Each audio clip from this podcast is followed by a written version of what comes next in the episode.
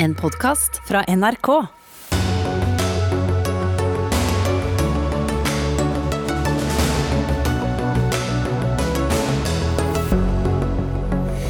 Drama på høyt nivå i politikken i hovedstaden. Det er flertall for å kaste miljøbyråd Lan Marie Berg fra MDG. Byrådsleder Raimond Johansen kan svare med å stille kabinettspørsmål. I så fall må partiet Rødt velge mellom å innsette et borgerlig byråd eller frede Lan Marie Berg.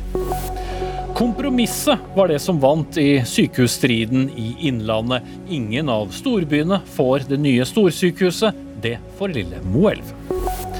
Professor mener bondenæringen oppfører seg som en underdanig hund overfor eh, dyrevernerne i striden rundt norske svineprodusenter. Det gjør vi da slettes ikke, svarer Norges Bondelag. Og lille kattepus, hvor har du vært? Ikke et fuglereservat, håper vi. Da bør du gå i bånd. Ja, da sier vi velkommen til uh, tirsdagens Dagsnytt 18 med Espen Aas, der vi også skal innom delta-varianten av koronaviruset samt det noe tidvis omstridte forholdet mellom Nav og dets brukere. Men vi starter med hovedstaden og politikken der, for der har det jammen meg vært eh, drama i dag. For eh, fremtiden for det sittende byrådet ser plutselig langt mer usikker ut etter at partiet Rødt i dag sørget for at det er et flertall for mistillit mot miljøbyråd Lan Marie Berg fra Miljøpartiet De Grønne. Bakgrunnen for mistilliten er mangel på åpenhet rundt at budsjettet for et nytt vannforsyningsanlegg ligger an til å sprekke med fem milliarder kroner. Nå ber Rødt Lan Marie Berg om å trekke seg frivillig, slik de borgerlige partiene har gjort tidligere. Vi hadde jo egentlig planlagt å få til en eh, politisk debatt om eh, dette spørsmålet her i Dagsnytt 18 eh, i dag, men Rødt, som da altså ble tungen på vektskålen, ingen av partiets fire representanter kunne komme til Dagsnytt 18. Byrådsleder Raimond Johansen fra Arbeiderpartiet holdt pressekonferanse og kunne heller ikke komme, og hovedpersonen Lan Marie Berg valgte å takke nei. Så da sitter vi igjen med faktisk én person her. Vi Anne Hoppe Drygg, gruppeleder for Høyre i Oslo bystyre. Du måtte kanskje hoppe over noen møter du også for å komme hit, men la oss nå være helt konkret for de som ikke har fulgt hele saksgangen. Hva er det Lan Marie Berg har gjort som er så alvorlig at hun nå må trekke seg tre måneder før hun etter all sannsynlighet ikke skal være en del av politikken i Oslo uansett? Eh, forholdet mellom bystyret og byrådet handler om tillit. Eh, og bystyret er det besluttende organet i Oslo. Og vi har fattet den største investeringsbeslutningen i byens historie om å bygge en ny vannforsyning til Oslo.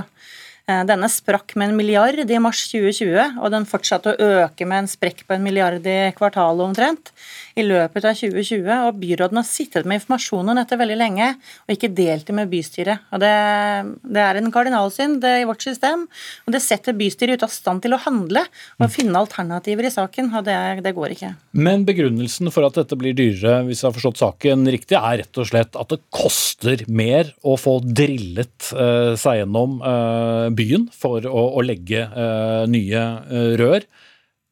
Kunne noe endret på det, selv om informasjonen hadde kommet tidligere? Dette er jo historien som byrådspartiene forteller, men vi har hatt en høring om denne saken. Vi fikk jo tre uker på å behandle alt i hele saken. Vi har fått innsyn i over 100 dokumenter og vurderinger til nå. Uh, og, og Kostnaden har jo økt med over 40% og prisveksten som vi har sett i anleggsmarkedet er ikke i nærheten av det. Men når det gjelder denne spesifikke jobben, som jo er veldig spesifikk, eh, mener dere i Høyre at den kunne vært billigere dersom informasjonen hadde tilflytt dere tidligere? Det som jeg er opptatt av, er at bystyret må ta beslutningen. Eh, vi må få informasjon om hva er det som er kostnadsøkningen i prosjektet, hvorfor har det økt så mye, og hva kunne alternativene vært. Og jeg mener helt klart, Hadde vi hatt seks måneder i bystyret på å vurdere hva vi kunne gjøre, kunne vi jo fått utredninger, fått vurderinger og sett på hva vi kunne gjort. Og dette handler ikke bare om at tunnelboremaskiner har blitt dyrere i markedet. De har ikke blitt 40% dyrere. Det har vært gjort endringer i prosjektet, større usikkerhetsavsetninger, grunnforhold. Det blir kastet opp veldig mange ulike baller, og vi får ikke egentlig et godt svar på hvorfor kostnadene skyter i været. Men nå, kunne du fått det svaret for seks måneder siden, for den endelige prislappen kom vel senere? Ja, jeg tror det. Jeg, du tror det? Ja, jeg tror det. Og, og, og jeg opplever at eh, byrådet har bestemt seg for at bystyret ikke trenger den informasjonen. Eh, fordi de har tenkt å finne ut hva vi kan gjøre isteden. Men det er altså bystyret som er det organet som beslutter hva som skal gjøres med pengene i Oslo. Og det virker det litt som har blitt glemt i denne prosessen. Det er en sånn ekstraregning på 5 milliarder kroner som smøres ut til alle byens husstander. Det er klart, Skulle vi plutselig ordna opp det i kommunens budsjett internt, så hadde det jo sett, eh, sett veldig dramatisk ut. Hvis Raymond Johansen skulle stille et kabinettspørsmål i morgen og si at hvis det er flertall for å kaste Lan Marie Berg, så må dere kaste oss alle. I så fall så kan dere bli innsatt eh, som et nytt borgerlig byråd eh, i Oslo. Tror du Rødt kommer til å sørge for det? Eh, jeg ønsker ikke å spekulere i det. Jeg er veldig glad for at de syv opposisjonspartiene i byen alle har vært veldig tydelige på at her er informasjonslinjen brutt. Her skulle vi hatt informasjon, og det har vi ikke fått. Og jeg opplever en veldig saklig og ryddig opposisjon som peker på fakta i saken, og at vi mangler data, mangler informasjon fra byråden, som hun har holdt for seg selv i månedsvis, og holdt bystyret i mørket. Og, og, derfor er vi ute av stand til å ta beslutninger. Jeg ønsker ikke å spekulere i hva andre partier vil beslutte å gjøre i denne okay, saken. Men vi konstaterer at du mener i hvert fall prislappen kunne vært uh, lavere dersom dere hadde fått informasjon tidligere. Anne Håpe Drygg, gruppeleder for Høyre i uh, Oslo. Sier takk til deg, og så skal vi bytte ut din plass med to eh, kommentatorer fra henholdsvis eh, Verdens Gang og oss selv her i eh, NRK. Og mens det vaskes og, og klutes, Tone Sofie Aglen, kommentator i VG. Mistillitsforslag det er ikke noe dagligdags i, i, i politikken. Rødt støtter altså mistillitsforslaget fra de borgerlige partiene. Oppfordrer henne til å trekke seg frivillig. Kommer hun til å gjøre det? Ja, det er jo det store spørsmålet, da. Det hadde i hvert fall vært det aller enkleste for eh, det rød-grønne byrådet i Oslo. Vi vet jo at Lan Marie Berg uansett skal på Stortinget til høsten, og det kunne jo vært en pragmatisk løsning, men det er lite som tyder på at hun eh, for det første er typen til å gjøre det. Eh, opplever sjøl at hun har håndtert denne saken riktig. Da skal det mye til å likevel trekke seg. Og så tror jeg nok at det har gått en del prestisje i det fra Miljøpartiet De Grønne. Politisk kommentator her i NRK, Magnus Takvam. Eh, Raymond Johansen eh, gjentok at han har tillit til Ann Marie Berg da han holdt en pressekonferanse om koronasituasjonen i Oslo nå nettopp. Men hvor mye valg har han, annet enn å stille seg bak henne, og i så fall stille et kabinettspørsmål eh, i morgen? Han har nok hatt som ønske, tror jeg, at uh, Lan Marie Berg eh, selv skulle trekke seg i den situasjonen som er oppstått. Det, er, det har vært en ganske vanlig Jeg tror det har vært 28 åtte type mistillitsforslag siden det ble innført eh, parlamentarisme i, eh, i Oslo. Eh, og det vanlige mønsteret er at den byråden som, har vært, som har vært i, i, søkelyset, som regel har trukket seg, husker Holmenkoll-overskridelsene osv. Så videre. sånn at det er en annen type eh, praksis i eh, et, et eh, bystyre med parlamentarisme enn det som er i Stortinget. I Stortinget ville eh, et flertall eh, som, som, står bak et mistillitsforslag, neppe ha gått videre med det hvis de selv ikke hadde en alternativ regjering eh, som, som, som, de hadde, hadde forhandlet om på forhånd. For det ville i så fall å gå videre med et mistillitsforslag, og så kommer den samme regjeringen tilbake, bare være avmakt. Men som sagt, jeg tror at eh, det Raymond Hansen håper på, er at det skjer noe i løpet av det neste døgnet à la det at eh, MDG frivillig trekker seg, og i så fall begrunner det med at ikke de vil bidra til et kaos i, i, styringen av Oslo i en pandemi, eller noe sånt. Men jeg er enig med Tone Sofie Aglen at signalene fra MDG tyder på det stikk motsatte. Og da går det trolig mot et kabinettspørsmål. Og da kommer jo Rødt i en større kattepine, Tons Fjaglen, for da må de velge om de vil være med å vrake det rød-grønne byrådet og sørge for et borgerlig byråd i stedet.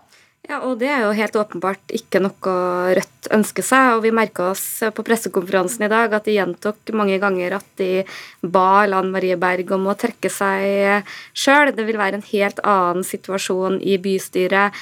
Eh, og det blir veldig spennende å se om Rødt da eventuelt eh, går løpet ut, eller om de vil eh, mene at de har gått langt nok i å, å vise sin kritikk av byrådens håndtering.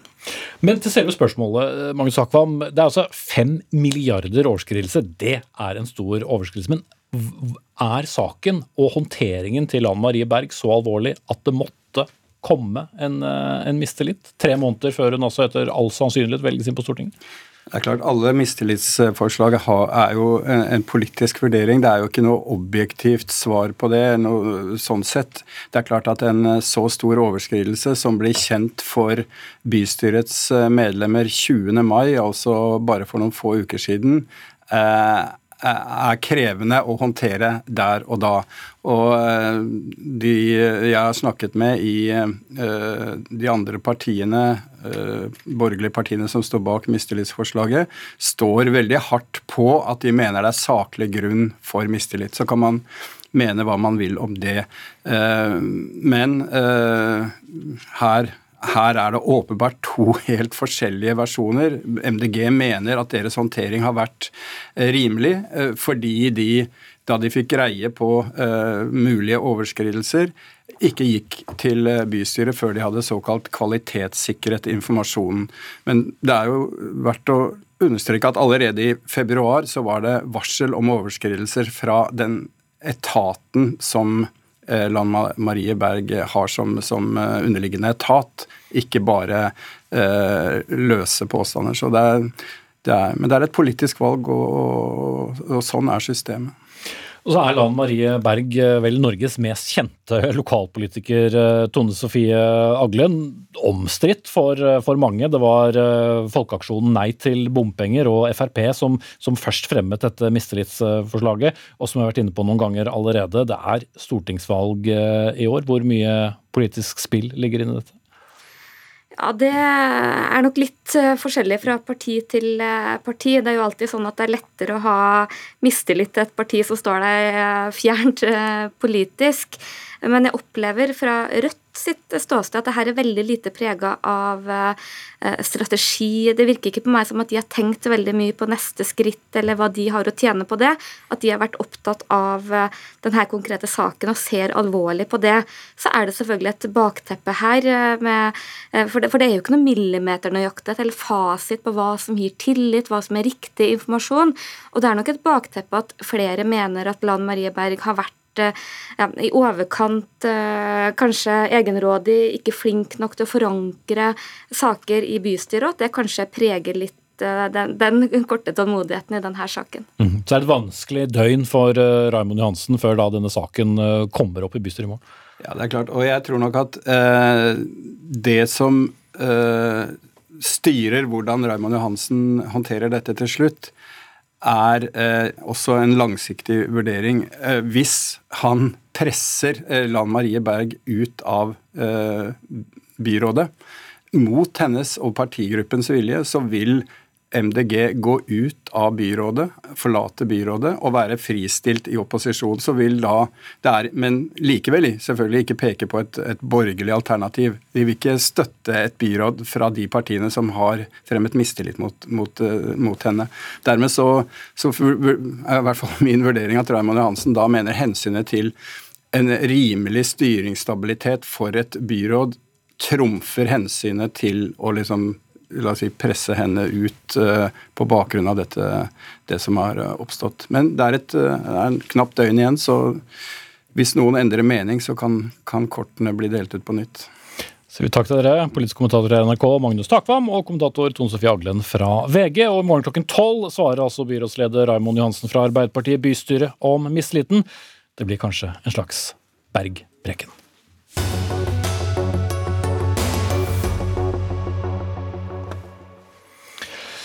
Mens uh, mye av nyhetsbildet rundt korona her hjemme nå handler om at uh, færre blir syke, færre legges inn på sykehus og mer og mer åpnes, ikke minst i, hovedstaden nå i ettermiddag, så kommer det også andre nyheter andre steder. Ikke minst uh, i går den nedslående nyheten for mange engelskmenn om at statsminister Boris Johnson måtte utsette den planlagte gjenåpningen av samfunnet der, og det med fire uker. Årsaken er det som gjerne kalles delta-viruset, som sprer seg med rekordfart, særlig i England. Også her hjemme på Bjerge har vi oppdaget flere varianter av viruset, nylig bl.a. i Færder i Vestfold, der kommunen har innført flere restriksjoner. Preben Aavitsland, overlege ved Folkehelseinstituttet, med oss på linje. Dere kommer nå med en ny risikovurdering knyttet til viruset. Hva sier den? Ja, den sier at eh, det er en viss bekymring for denne delta-varianten. For det, den har eh, noen egenskaper som vi misliker med, med sånne varianter. For det første så, så, er nok den litt mer smittsom enn eh, den gamle engelske varianten vi er vant til. Den gir nok litt større risiko for å bli lagt inn på sykehus.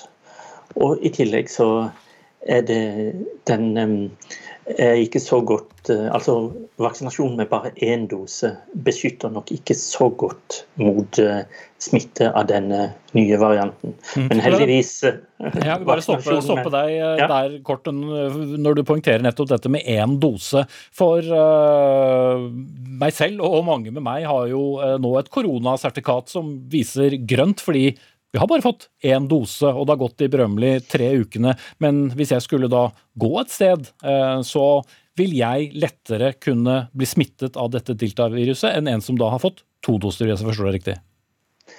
Ja, det stemmer. Men heldigvis så er det sånn at eh, eh også en dose beskytter mot alvorlig sykdom.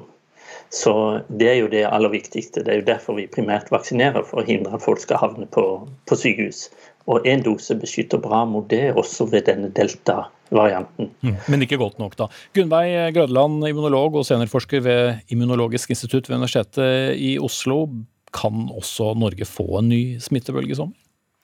Eh, Norge kan absolutt eh, få en eh, ny smittebølge i sommer. Det kommer an på i hvilken grad vi er flinke å fortsette å følge opp de rådene som kommer fra helsemyndighetene. Og så er det selvsagt òg eh, som alltid et åpent spørsmål. Hva skjer når folk kommer tilbake fra utlandet, hvis de er nordmenn eller andre som kommer inn?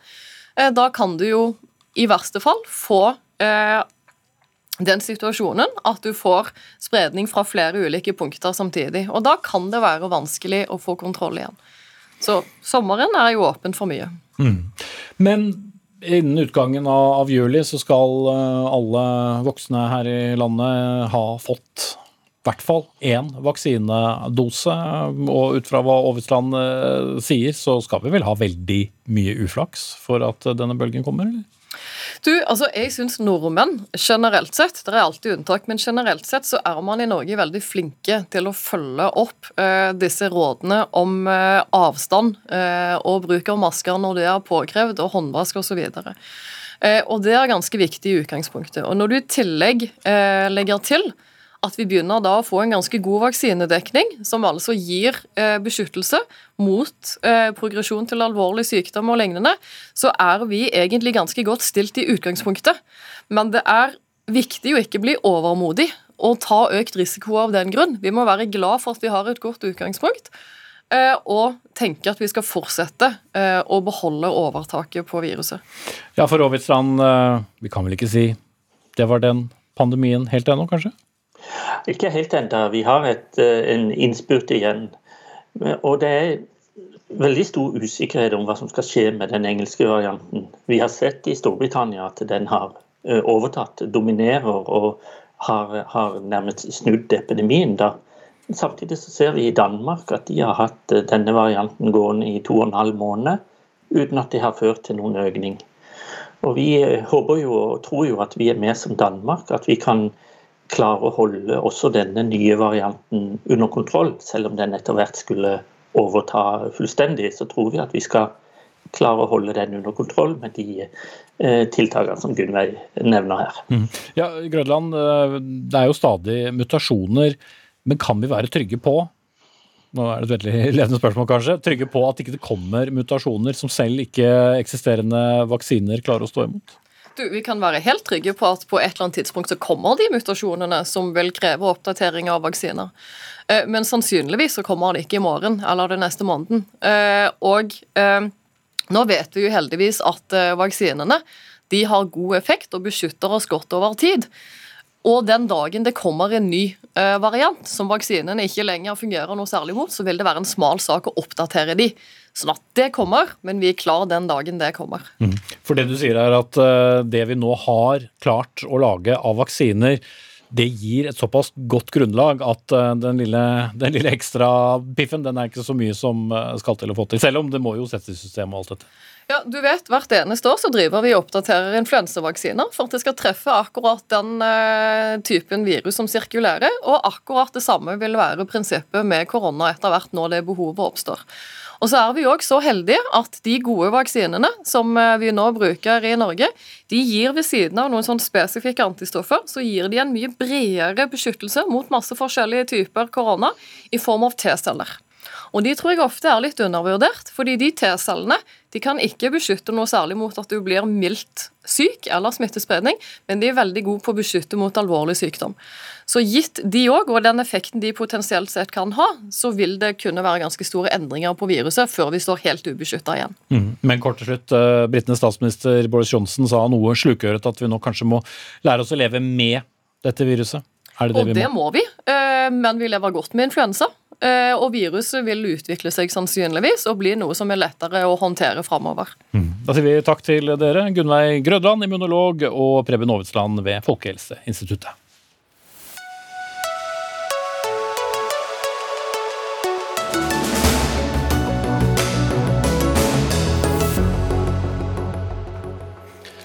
Så ble det endelig avgjort. Det nye hovedsykehuset i Innlandet skal legges ved Mjøsbrua i Moelv. Dette har vært en nesten 20 år lang strid om lokalisering, som endte med et kompromiss. Et kompromiss der de to største byene, Hamar og Gjøvik, mister sine sykehus. Før politikerne skal diskutere det hele, så vil vi bare kort eh, hente inn deg, Katrine Strøm, sjefredaktør i Hamar eh, Arbeiderblad. Da skal gjestene få ta på seg hodetelefonen her i studio. Hvorfor har dette vært en så langvarig og så vanskelig sak, i den grad det går an å svare på det uten å bruke resten av sendingen? Eh, jeg skal prøve. Det store bildet er jo at på de 20 årene som du viser til, hvor denne diskusjonen har gått, så er premissene endret. Det har jo gått fra å være ett stort hovedsykehus, som man eh, i sin tid gikk inn for, og eh, blitt til en fordeling på tre ulike. Et hovedsykehus, et mindre akuttsykehus og et lite sykehus, eller mindre sykehus for planlagte operasjoner, som det heter. Og man har lært av mange andre steder at eh, vel så problematisk som reisevei for pasientene, kan faktisk rekruttering av eh, kompetent og gode ansatte eh, kompetente og gode ansatte være. Og Derfor er eh, premissene endret. Og det pikante er jo da at helseforetaket, altså Helse Sør-Øst, eh, nedsatte en prosjektgruppe så sent som før jul, som faktisk ikke anbefalte Moelv som Høie i dag har eh, stilt seg bak. Eh, så det som har skjedd i siste, den siste innspurten her, er faktisk at lokaliseringsdebatten har trumfet eh, det mange her hvor jeg befinner meg, på Hamar og i Hamar-regionen, mener at var et klart faglig råd som baserte seg på samfunnsutvikling og, og, og, befolkningsvekst. For Innlandet er jo i den situasjonen, som eneste fylke i Norge, tror jeg, hvor Eh, befolkningsveksten eh, går ned, det er fødselsunderskudd, og man sliter eh, med et, en aldrende befolkning. Og man hadde ønsket seg å få mer ut av denne byutviklings- eller vekstmotoren som et sånt sykehus kan være. Mm. Men så er det viktig å si at Moelv er veldig glad i dag. Ringsaker kommune er kjempeglad i dag, og det er kjempeviktig for befolkningen i Innlandet at de får et et, eh, et, hovedsykehus. Vi skal ta deg inn litt senere, Katrine Strøm. Eh, helse- og omsorgsminister Bent Høie fra Høyre. Var dette en så god løsning? Utover at eh, det er en løsning? Jo, jeg syns det er en god løsning, og ikke minst er det en løsning som er båret fram av det politiske miljøet i Innlandet sjøl. Dette er den løsningen som jeg opplever flest kommuner i Innlandet går inn for, som som fylkestinget har eh, pekt på. Som, som er viktigere enn det faglige? Eh, nei, men som òg eh, Sykehuset Innlandet og Helse Sør-Øst òg mener er en god løsning. Og Det innebærer jo at for det første befolkningen på Innlandet får et nytt hovedsykehus som blir større, og som gjør òg at de i et lengre perspektiv òg vil kunne få en større del av sin spesialiserte sykehusbehandling i Innlandet, og ikke måtte reise til, ut av regionen, f.eks. til Oslo. Mm. Emilie Enger stortingsrepresentant for Senterpartiet fra gamle Hedmark. Eh, er du glad for at dette endelig nå har løst seg? Nei, dette vedtaket som Bent Høie har gjort i dag, er det jo veldig mye uro rundt. Det innebærer at man legger ned og sentraliserer eh, vekk akuttsykehuset og fødetilbudet bl.a. på Elverum. Og både i Hamar og Elverum, Østerdalen, Solør, Trysil og Engerdalen så er det jo veldig stor bekymring for uh, framtida nå, for det er en veldig stor del av, uh, av Hedmark uh, som, som, rett og slett blir uten et godt akuttilbud.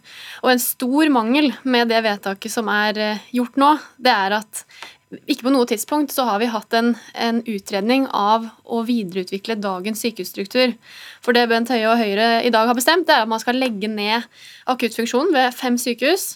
Og man vet ikke hva vi kunne oppnådd med å bygge videre på dagens sykehusstruktur, som faktisk ville gitt eh, kanskje sykehus nært der folk bor, sikre at vi har et godt akuttilbud i, i, hele Innlandet.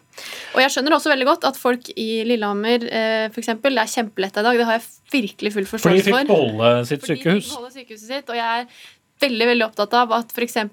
Nord-Gudbrandsdalen, Skjåk, Otta, Lom skal ha et godt sykehustilbud. Men det kan ikke være sånn at uh, man skal sette folk i Oppland og Hedmark mot hverandre, og at det skal være sånn at hvis man får uh, et godt tilbud i, i, Otta, så skal man ikke ha et godt tilbud i Trysil. Mm. Det er så, mye uh, geografi som man skal holde styr på her, men Moelv er da den lokaliseringen som ligger nærmest det sykehuset som da beholdes, nemlig på Lillehammer, Bent Høie. og Moelv er jo en langt mindre by enn eh, da både Hamar eh, og Gjøvik, så hvorfor er dette et godt tilbud når folk, flere folk må reise lenger, også de som jobber der? Ja, Det er jo rett og slett fordi at uh, alternativet er, fremstår som veldig mye dårligere, nemlig at en skal ha, skulle ha et delt sykehus fortsatt for Innlandet mellom Gjøvik og Hamar.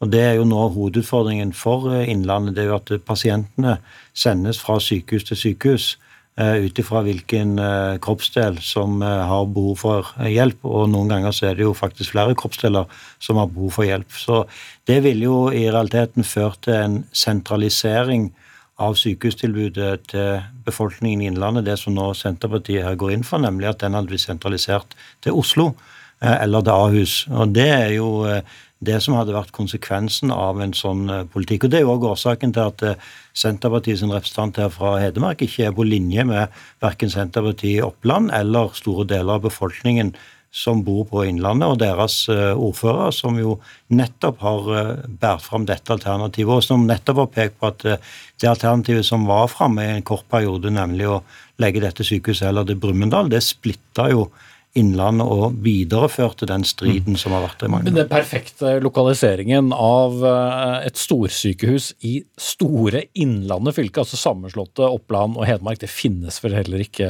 Mehl? Mås med litt historikk vet at også Senterpartifolk har slitt med sykehusstruktur. Ja, nei, det gjør jo Og det, derfor er det jo så merkelig at ikke Høyre, som har sittet i regjering i åtte år, har tatt initiativ til å utrede et nullalternativ. Dvs. Si bygge videre på dagens sykehusstruktur. Vi har eh, i Hedmark Men hvis de ville samle det, så kunne du jo ikke bygge videre ja, på dagens delte struktur? Vi har jo ikke et reelt alternativ til den tanken. Altså den, den, eh, det storsykehustanken den har jo ligget som en forutsetning for alle typer vedtak og diskusjoner vi har hatt. Fordi man har ikke hatt noen reell utredning av nullalternativet. Og det er jo Senterpartiet gått inn for i Stortinget for senest tre uker siden, at vi ønsker å ha et nullalternativ på plass før vi kan ta en beslutning. Og det har jo også, i den avgjørelsen Bent Høie har eh, lagt fram nå, så ligger det også inne at man skal gå videre i det som heter konseptfasen som kommer nå. Så skal man ha, utrede et nullalternativ. Og i en debatt i Stortinget for ikke spesielt lenge siden, så åpna jo Høie sjøl for at eh, hvis det dukker opp ny kunnskap der, så må man, så må man kanskje ta den inn over seg og gjøre endringer. Så, så vi har ikke fått et endelig svar i dag, Høie? Eh, det er jo sånn at Nullalternativet det er alltid med, så her bringer ikke Senterpartiet noe som helst nytt på bordet. Det er jo ikke noe nytt heller. Eh, fordi en vil alltid vurdere det opp mot det. Men realiteten er at hvis en, går videre med null pluss-alternativ, så betyr det at pga. bygningssituasjonen i Hamar, så vil han på et tidspunkt måtte ha bygd et nytt sykehus på Hamar.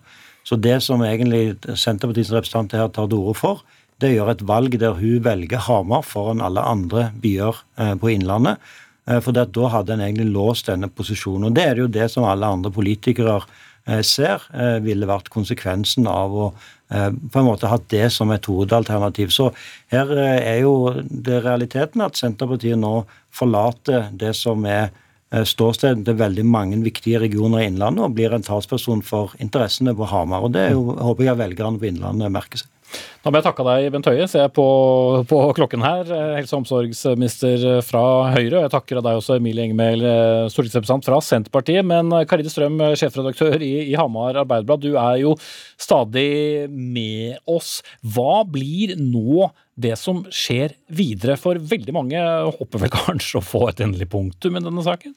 Ja, det er helt riktig. Mange mm, som sagt jubler jo i dag for at man har fått et vedtak som faktisk bringer 9,3 milliarder kroner sluset inn i sykehusstrukturen i Innlandet, som jo er eh, positivt. Men så er det viktig å si at eh, det er mange som ikke er spesielt imponert over verken eh, håndteringen nå i det siste og disse to eh, styrevedtakene som har gått forut for Bent Høies eh, utpeking i dag, har vært delt omtrent på midten. Det siste faktisk ble avgjort ved, ved styreleders dobbeltstemme, så det er veldig, veldig sprikende hva man har egentlig gått inn for her. Og, og på Hamar så har man langt ifra gitt opp troen på at eh, det fortsatt kan komme i, i den neste fasen, en, en, vurdering der man ser at det som er kalt null pluss-alternativet, som de er inne på her, vil vise at et, eh, et, alternativ der man bygger nytt på Hamar, faktisk kan være i, mer i tråd med det som den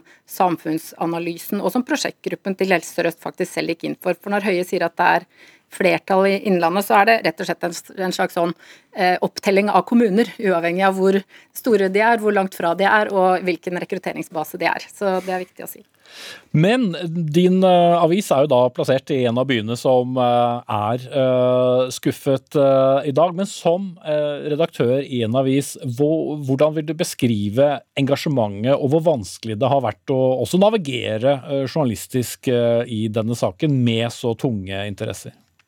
Ja, Det har vært veldig spennende, selvfølgelig. Og vi setter jo stor pris på at det har vært eh, et sånt engasjement som det er i sånne saker. Vi har hatt en jernbaneutredning her som, eh, som så vidt er landet i fjor, og sykehusdebatten har gått i, i 20 år. Folk er eh, intenst opptatt av dette, og det er eh, noe vi følger selvfølgelig med, med argusøyne. Og så blir man jo beskyldt, eh, særlig vi kanskje, som står med én fot i hver kommune. Vi dekker også eh, Ringsaker kommune og ikke minst Moelv, som er eh, vår forside i, i morgen med jublende folk med flagg. Men vi har også et ansvar for å eh, forfølge, som vi har prøvd å gjøre, det faglige eh, anbefalingen her, og, og prøve å, å, bringe litt eh, balanse i det. Og da beskyldes vi jo for å ha slagside eh, motsatt vei. Det finnes ikke det perfekte alternativ for lokalisering av sykehus uh, uansett. Det tror jeg vel vi alle vet etter hvert. Takk skal du ha, Karine Strøm, sjefredaktør i Hamar Arbeiderblad.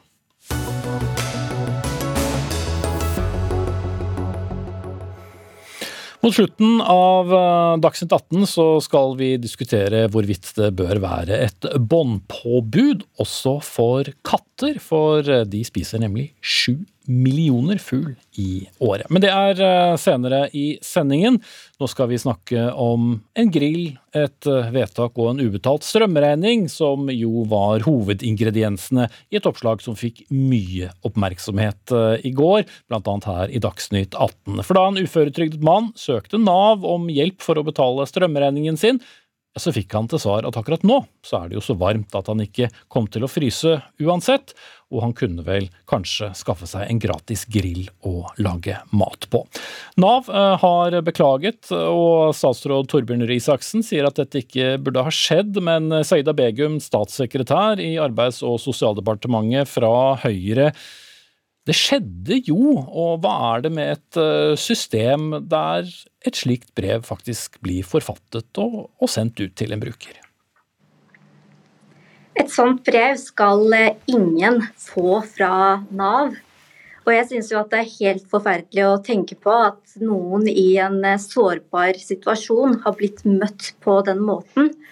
Og jeg skjønner godt at folk reagerer, det gjør jeg også. Sosialhjelp er jo det siste sikkerhetsnettet for eh, de som trenger hjelp i en veldig vanskelig situasjon. Det Men det bakenforliggende her er jo da uh, politikk uh, og rammer og en utregning der et Nav-kontor skal finne ut hva en bruker bør få hjelp til og ikke bør få hjelp til. Så er det først og fremst ordlyden som er det dere reagerer på her, ikke selve vedtaket? Nå kan ikke jeg som statssekretær gå inn i enkeltsaker og enkeltvedtak. Det jeg kan si er at ingen skal bli møtt på den måten og den eh, kommunikasjonen og tonen som legges i dette brevet her, det hører ikke hjemme i et eh, vedtaksbrev. og Nettopp derfor så er jeg glad for at eh, kommunen nå har beklaget dette brevet her. Så er det sånn at vi skal følge opp dette her videre. Det har Nav-direktøren bekreftet. Og statsforvalteren skal jo også føre tilsyn med kommunen som har sendt ut et sånt brev. okay. Nettopp for å se om det er et enkeltstående tilfelle eller om det er eh, systematisk eh, feil med lovforståelsen i Indre Østfold. Mm. Vi skal uh, kanskje få et slags svar på det, ikke hva Indre Østfold nødvendigvis angår, men generelt, Cato Brunvald Ellingsen, du er med oss på linje. Du er vernepleier og har jobbet og sett på, på, slike saker. Sett på mange mennesker i forskjellige ulike faser, og, og ga ut da en masteroppgave om habilitering for noen år siden. Og, og hva var det du så på? Når jeg fortalte en saksbehandler om hva jeg så på, så fortalte hun de kan jo ikke få alt de søker om heller. Og Det jeg gjorde var å se på alle avslagene, ikke alle, men avslag som folk får om tjenester. Og først og fremst eh, familier med barn med funksjonsnedsettelse i pleie- og omsorgstjenester. Men eh, jeg fikk òg en god del eksempler fra Nav, der jeg så på hvordan disse formuleres, og hvilke eh, la oss si, holdninger som ligger bak de avslagene som folk får. Og Når jeg ser at veldig mange blir rystet av saken fra i går, så blir jeg litt overrasket. fordi at uh, dette er hverdagen for veldig veldig mange. Mm. Jeg merket meg at du brukte ordet holdninger som ligger bak uh, vedtak, men det er vel ikke holdninger som skal ligge bak vedtak? Uh, er ikke dette rammer og utregninger ut fra det behovet hver enkelt har? Utfordringen er jo at man avkrever at folk skal dokumentere avvik hele tiden. Sant? Man må dokumentere hvordan man avviker fra en normalitet. og Eh, systemet er altfor ofte opptatt av eh, disse, denne normaliteten, og ikke ser på behovene til, de faktiske behovene til folk. Eh, jeg har lyst til å lese opp en eller to sånne avslag som jeg så. da. Du kan få ta ett for tiden går. ja, flott. Jeg har lyst til å si Det med, det vises også at foresatte har omsorgsplikt for mindreårige barn. Også barn med nedsatt funksjonsevne har krav på omsorg fra sine foreldre. Altså, det de i utgangspunktet tar, eh, tar, slår fast, er at eh, foreldre skal passe på ungene sine. Og det er jo selvfølge. Men dette er jo ikke vanlige unger og vanlige familier. Dette er faktisk folk som trenger eh, bistand for å leve ganske vanlige liv.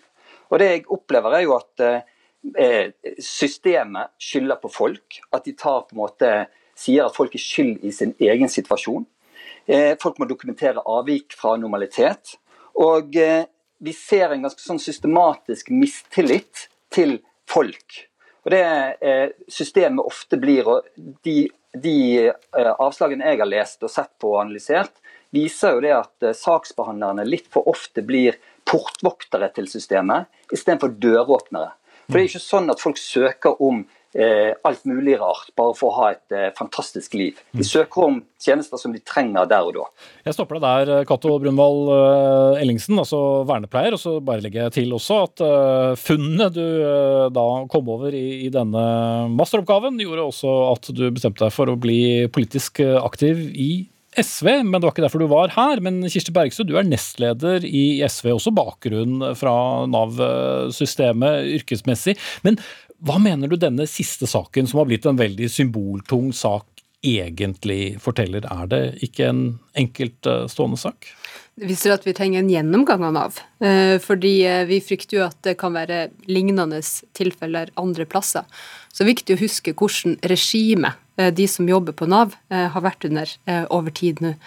Fordi det har vært påført veldig store kutt i Nav. Eh, både eh, pålegg om kutt eh, i Nav sine, sine tjenester og sitt virke, i tillegg til at de ytelsene som mange er avhengig av hos Nav, har blitt kutta veldig ned på. Og hvis du som ansatt på Nav skal leve under et sånt detaljert mål- og resultatstyringsregime som har blitt stadig hardere, eh, så får vi ikke gode tjenester. Og vi ser også en sentraliseringsreform som har gjort at vi har færre Nav-kontor ute i landet, og også at de er mindre tilgjengelige og mindre åpne. Så vi trenger eh, både en ressursendring fra topp til bunn, vi trenger et nært Nav som er til stede i lokalsamfunnene forstår dem, og der også de som ikke kan nyttiggjøre seg av digitale tjenester, kan, eh, kan komme inn. Eh, og der eh, man blir møtt på en god måte. Men da krever det eh, nok folk for å ha tid og tillit i tjenestene, og ikke kutt både i ytelsene og i ressursene. Mm. Hva sier du, Begum, som statssekretær i ansvarlig departement, er det veien å gå? Nå deler jo ikke jeg den der situasjonsbeskrivelsen som Bergstø kom med her. Fordi Faktum er jo at eh, siden den borgerlige regjeringen tiltrådte, så har jo kommunene fått økt sine frie inntekter med 35 milliarder kroner. Og når det kommer til ytelsen sosialhjelp, som er på en måte det som er det aktuelle her, som vedtaksbrevet også handlet om, så har jo vi nå gjort det enklere å både søke om og få, og få sosialhjelp. Nettopp fordi det er veldig mange som nå sliter økonomisk pga. koronarestriksjonene. Mm. Så det er ikke problemet med systemet, altså? Det, eh, jeg vil si at det er ikke det som er eh, utfordringen med systemet, altså nivået på ytelsene. Hva er problemet? Eh, jeg vil si at Det som er en stor utfordring i dag, det er at systemet ikke snakker godt nok sammen. Veldig mange av de som trenger hjelp fra Nav, de har flere utfordringer. Ofte så er, henger jo det sammen med at enten så er de arbeidsledige, eller så på en måte sliter de med helse som gjør at de ikke kan jobbe, eller så mangler de utdanning som gjør at de ikke kan få jobb. Men sektorene helse, arbeid og utdanning snakker ikke godt nok sammen. Så vi har en jobb å gjøre. Okay. Vi må gjøre systemet bedre for brukerne. og Nettopp derfor så har jo regjeringen lagt frem en stortingsmelding om utenforskap som nettopp ser på tjenestene i Nav. Okay. Og så har vi også lagt ja, vi kan ikke ta hele den nå, Begum Bergsø. Ja, For det første så er det ikke sånn eh, at kommunene eh, opplever at eh, ressursene har strømma til. Tvert imot så sitter mange i en veldig krevende situasjon med ekstrautgifter til korona som ikke blir kompensert, og med store utgifter. Og Eh, det er klart kommuneøkonomien henger sammen med gode tjenester. Det er derfor den må styrkes, og det har ikke denne regjeringa gjort. Men det er også flere som har behov eh, for sosialhjelp, for supplerende stønad, fordi det kutter i bostøtte. Vi vet at dem som er unge, eh, de yngste på arbeidsavklaringspenger, får redusert sin inntekt med en tredjedel. Og Da øker det også belastninga på Nav lokalt. Og Det som er viktig, det er jo at Nav er rigga på en måte for å møte mennesker. Eh, og ikke matskjema. Og at når du har behov for den tryggheten eh, som velferden skal gi oss, og det er jo mange som har nettopp møte med Nav for å, eh, for å eh, Enten det er foreldrepenger, eller det er sykepenger, eller det er arbeidsløshet, så er det jo Nav som er veien inn, og det skal være eh, et, et, et, godt møte. Mm. Men det må kunne stille krav også til, til, brukerne? Men det stilles jo krav i bøtter og spann. Eh, problemet er at høyresida styrer landet på en måte som ikke har tro på folk. Man tror ikke at folk har lyst til å være i jobb, man tror ikke at folk eh, faktisk har behov eh, for hjelp. Mm. Og Derfor er det jo veldig, veldig, veldig rigide eh, skjema man må igjennom. Mm. Kan få svare kort på det til slutt, eh, hvis du klarer, Begum. Dette, jo, dette viser jo grunnleggende forskjellen mellom eh, SV og Høyre. Mens SV vil ha ytelser som blir fattigdomsfeller for folk, så vil vi ha arbeidslinja i ytelsene. Nettopp fordi vi vet at arbeid også gjør at eh, helsen blir bedre for flere. Men så er det noen som eh, ikke kan jobbe, og da skal velferdssamfunnet bidra mer. Svar. Takk skal du ha, Saida Begum, statssekretær i Arbeids- og sosialdepartementet fra Høyre, og Kirsti Bergstø, nestleder i SV her i studio.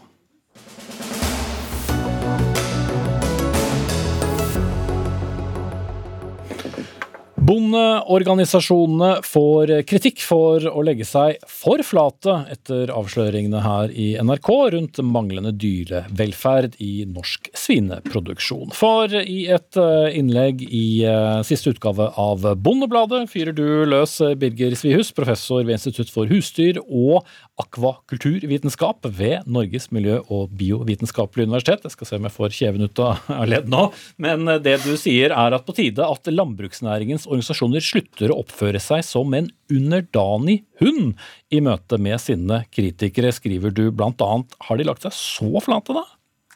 Altså, Jeg tror det er et generelt problem at man for lett aksepterer den regien som, som, som, andre legger opp til. Og I dette tilfellet så er det jo noen ekstreme fanatikere som vil hele næringen til livs, og som ikke presenterer et, et objektivt bilde av hvordan næringen ser ut. Og Da mener jeg man skal gå mer offensivt til verks enn det man har gjort nå. Mm. Hvordan da avvise bildene av griser som lever i sin egen møkk og har infeksjoner og har avbitte haler?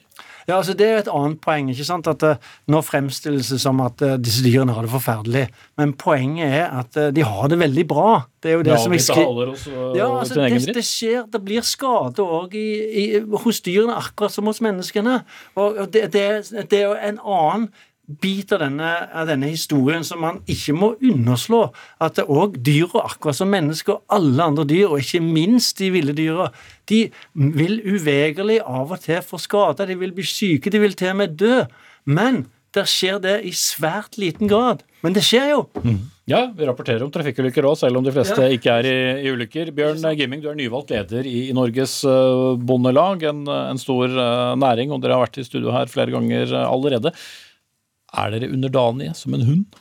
Jeg syns ikke det er en uh, merkelapp som passer på, på noen i næringa, egentlig. Jeg er stolt matprodusent uh, og stolt av den jobben som gjøres i næringa. Og vi skal huske på at det materialet som nå har kommet fram, det er en uh, det er et resultat av lovbrudd, det er innbrudd. Det er eh, ikke et representativt bilde. jo, det... men Nå er det ikke den diskusjonen vi skal ta, men det er argumentasjonen fra, fra Svihus om hvorvidt disse dyrene egentlig har det så ille. Er du, er du, enig i hans fremstilling? var vel egentlig det jeg spurte om. Ja, poenget, Jeg skulle komme til det. fordi at det viser også uh, dyr som ikke har blitt ivaretatt på den måten som de skal ivaretas, uh, og som ikke har blitt ivaretatt i tråd med regelverket. Og, de, uh, og det er åpenbart et forbedringspunkt når vi har enkeltprodusenter som, eh, som, eh, som vi har sett eksempler på. Men det er jo ikke et, et representativt bilde på hvordan det står til i næringa. Vi legger, og den debatten har vi for så vidt tatt, men hvis vi holder oss til de som vi, vi snakker om Vi legger oss ikke flate for de aktivistene, men vi agerer når, når det vises bilder som ikke er i, i henhold til situasjonen. Og utover det så jobber vi jo selvfølgelig med dyrevelferd hele tida, og, og, og, norsk husdyrhold holder en veldig høy mm. standard gjennomgående. Men Svihus, eh, Mattilsynet poengterte jo også at eh, de kjente til eh, en del av disse tilfellene som er blitt vist frem på, på forhånd. Riksrevisjonen var inne og eh, undersøkte svineprodusentene i forbindelse med avsløringen for to år siden.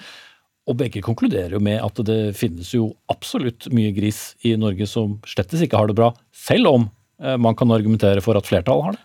Hvis du går inn i et gjennomsnittsgrisehus, vil det alltid være mulig å finne noen griser som har noen skade.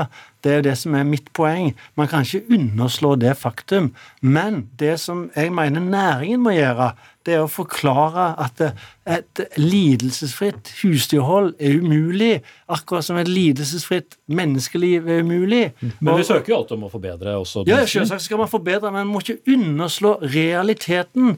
Det er at det er noen griser som blir, som blir syke. Og så må man ha forståelse for hvor vanskelig det er for bonden å håndtere dette.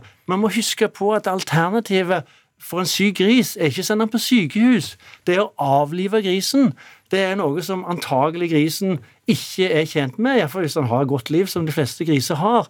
Og dermed så er jo det er bonden interessert i å prøve å sørge for at grisen blir frisk så lenge som mulig. Det har han både økonomisk interesse av, og det har grisen interesse av. Ikke sant? Så, mm. så, så, derfor, så, Poenget mitt er at derfor så er det sånn at du kan ikke bruke sånne bilder som et tegn på at dyrehold er dårlig. Mm. For det er det ikke.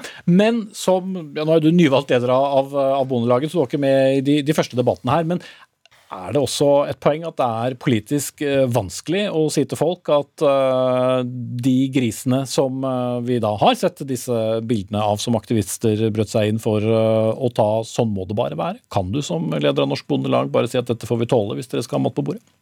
Nei, altså åpenbare lovbrudd kan vi ikke tåle. Det tåler ikke Bondelaget, det tåler ikke, tåler ikke en jevne svineprodusent heller. Vi er jo avhengig av tillit. Tillit til reproduksjonsmåten vi har. Og husdyra har vært viktige for, eh, for, eh, for, matproduksjon gjennom tusener av år. Vi har holdt husdyr i mange tusen år. De er domestiserte. De er husdyr, det er ikke ville dyr lenger. Og vi har et ansvar for å ta vare på dem. Eh, og Mitt poeng er jo at forbrukeren skal være trygg på at vi håndterer det ansvaret vi har. Vi tar det ansvaret, det skal vi håndtere. Og, syk, nå, og, og, og, gris kan bli syk. Gris kan, eller andre husdyr kan få skade. Da skal de håndteres på en måte som ivaretar deres behov når de er syke og skadde. Ikke gå sammen med andre. Eh, og, og, da, og, og da må vi på et vis få anledning til å jobbe faglig med det. Det, det, er, det er som eh, Svihus sier, at skader og sykdom vil skje. Men da er jo egentlig testen håndterer vi de dyra på en god måte. Men har en gris det bra, eller har den det dårlig når den bor i, i egen møkk og har et åpent sår? Det, og det gjør villsvinet, ikke minst. ikke sant? Det, det ligger jo i søleputtene og, og, og velter seg i det. Det er faktisk et naturlig instinkt. Og det som er Poenget mitt er at eh, jeg tror og det, ingen vet, og dette er vanskelig, men jeg tror grisen har det så utrolig mye bedre enn f.eks. villsvinet. Og grisen har det bedre Men ingen ser dette villsvinet, da. Nei, og det, så kan man, eh, men det er jo en sånn misforståelse. Det naturlige oppfattes som et ideal. Det naturlige er overhodet ikke et ideal. Det stakkars ville dyrene lir hele veien. De fryser, de får ikke nok mat, de lider de verste død. eh, Ikke sant, Jo, men. Poenget her er vel hvorvidt en, en purke for eksempel da skal ligge inni en eh, trang bås, eller eh, ligge et eh, sted eh, hvor det er langt mer åpent, eller har muligheten til å gå ut, eller aldri se dagslys. Det er vel det som er sammenligningen, ikke nødvendigvis med hvordan villsvin har det. Og, og poenget da er at eh, det er ikke sikkert at det øker velferden til purker å gå ut. Altså, det er et spørsmål. Det er mer skade ute osv. Så, videre. så vi har ikke tenkt godt nok når det gjelder hvor godt dyrene har det. Men jeg er helt overbevist om at husdyrene har det bedre enn noensinne. Mye bedre enn de hadde før. Dyrevelferden har blitt bedre og bedre. Og jeg tror dyrene har det veldig bra. Man, man, man, man, setter, tenker Menneskene, man ikke tenker godt nok, setter seg inn i en purkes eller en grissituasjon, tenker vi ville hatt det forferdelig inni bingen her. Men da glemmer man at eh, grisene er ikke mennesker. De har ikke vår evne til å reflektere eller abstrahere og tenke seg et annet Men de vet når de har det vondt, eller? Jeg tror eh, at grisen vet når han har det vondt, og det er jo bondens ansvar å sørge for at grisen har det bra, og at vi produserer i tråd med regelverket. Dette her er ikke en subjektiv oppfatning. Dyrevelferd er også et fag. Det er et objektivt kriterium. Og, og, og vi har et regelverk som er godt, det er i tråd med forskning på området, og vi som produsenter og bønder, vi skal være i, i, og produsere i tråd med det regelverket. Mye mer jeg skulle spurt dere om, men tiden er ute. Takk til eh, Birger Svihus, eh, professor ved NMBU. Jeg tar ikke hele bokstaveringskoden en gang til. Og Bjørn Gimming, leder i Norges Bondelag.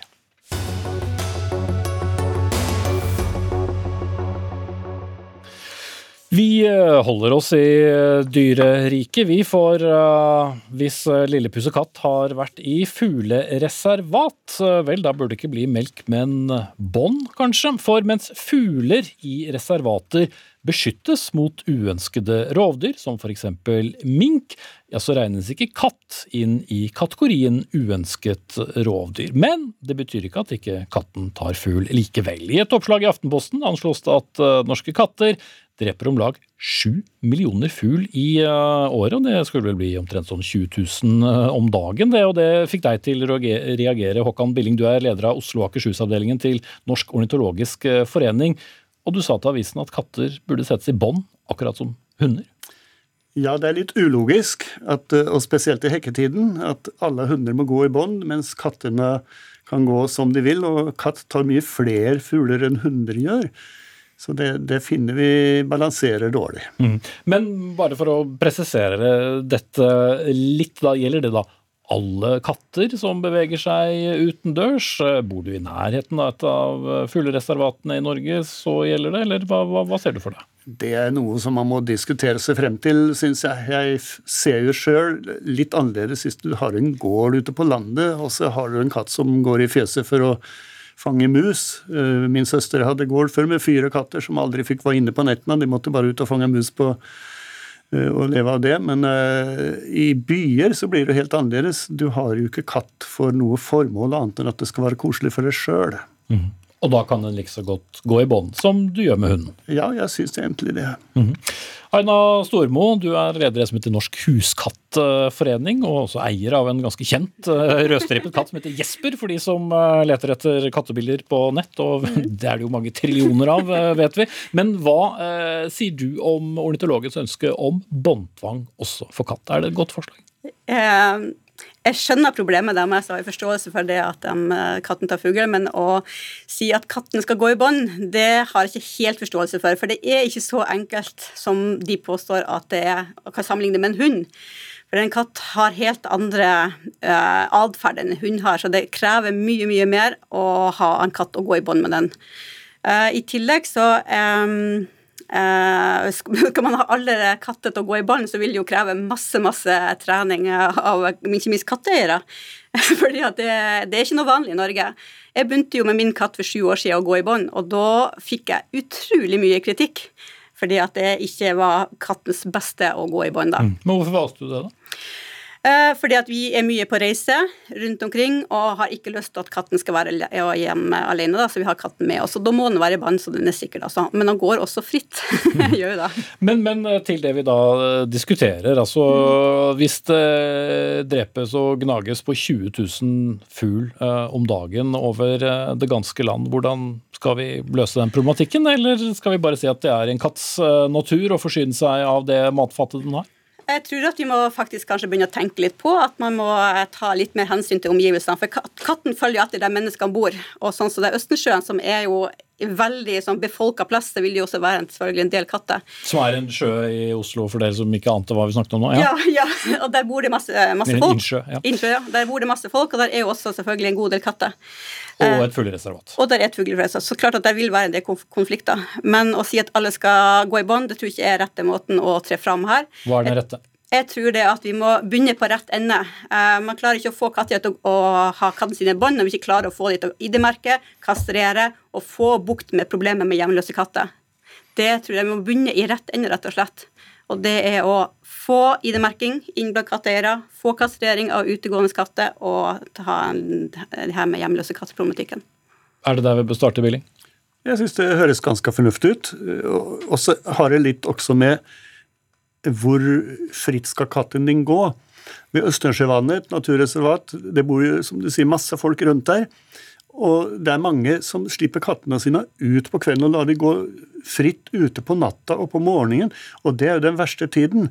De bør i hvert fall, i et sånt område, så bør de i hvert fall holde katten inne på nettene og ikke slippe den ut før seinere ut på dagen. Mm.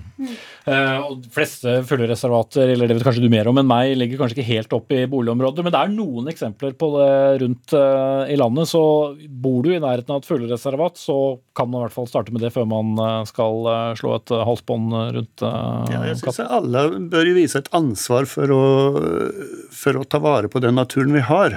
Og inkludert katteeiere selvfølgelig må også vise det ansvaret. Det er et ansvar å ha katt også, det er ikke bare å kjøpe en katt og la den løpe rundt.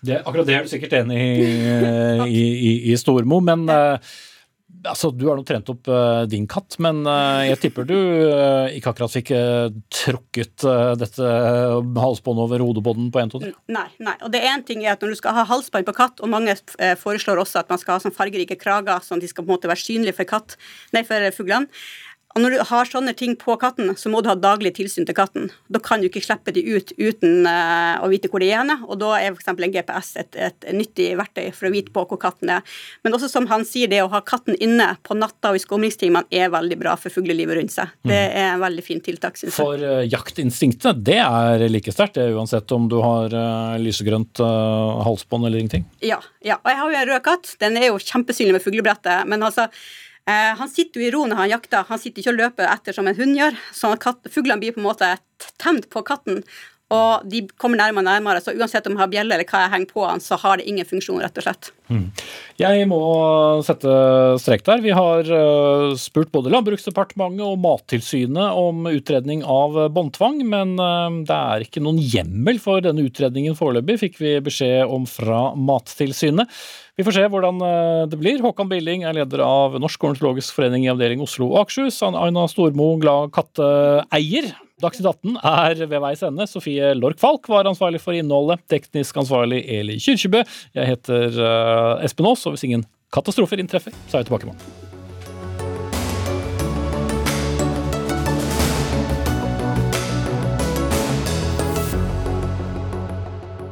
Du har hørt en podkast fra NRK. Hør flere podkaster og din NRK-kanal i appen NRK Radio.